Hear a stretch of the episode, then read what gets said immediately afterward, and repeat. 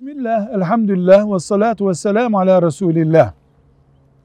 Müşrikler de Kabe'yi tavaf ediyorlardı sözü doğru mudur? Doğrudur.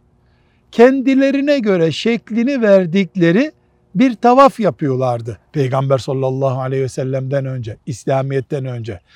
İbrahim aleyhisselamdan bugüne kadar tavaf hiç durmadı.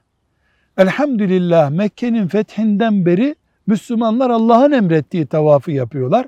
Ama İslam'dan önceki uygulamalar müşriklerin kendi kendilerine yaptıkları işlerdi. Kur'an-ı Kerim'de Hac suresinin 26 ve 29. ayetleri, Enfal suresinin de 34 ve 35. ayetlerinden bu hakikatler öğrenilebilir.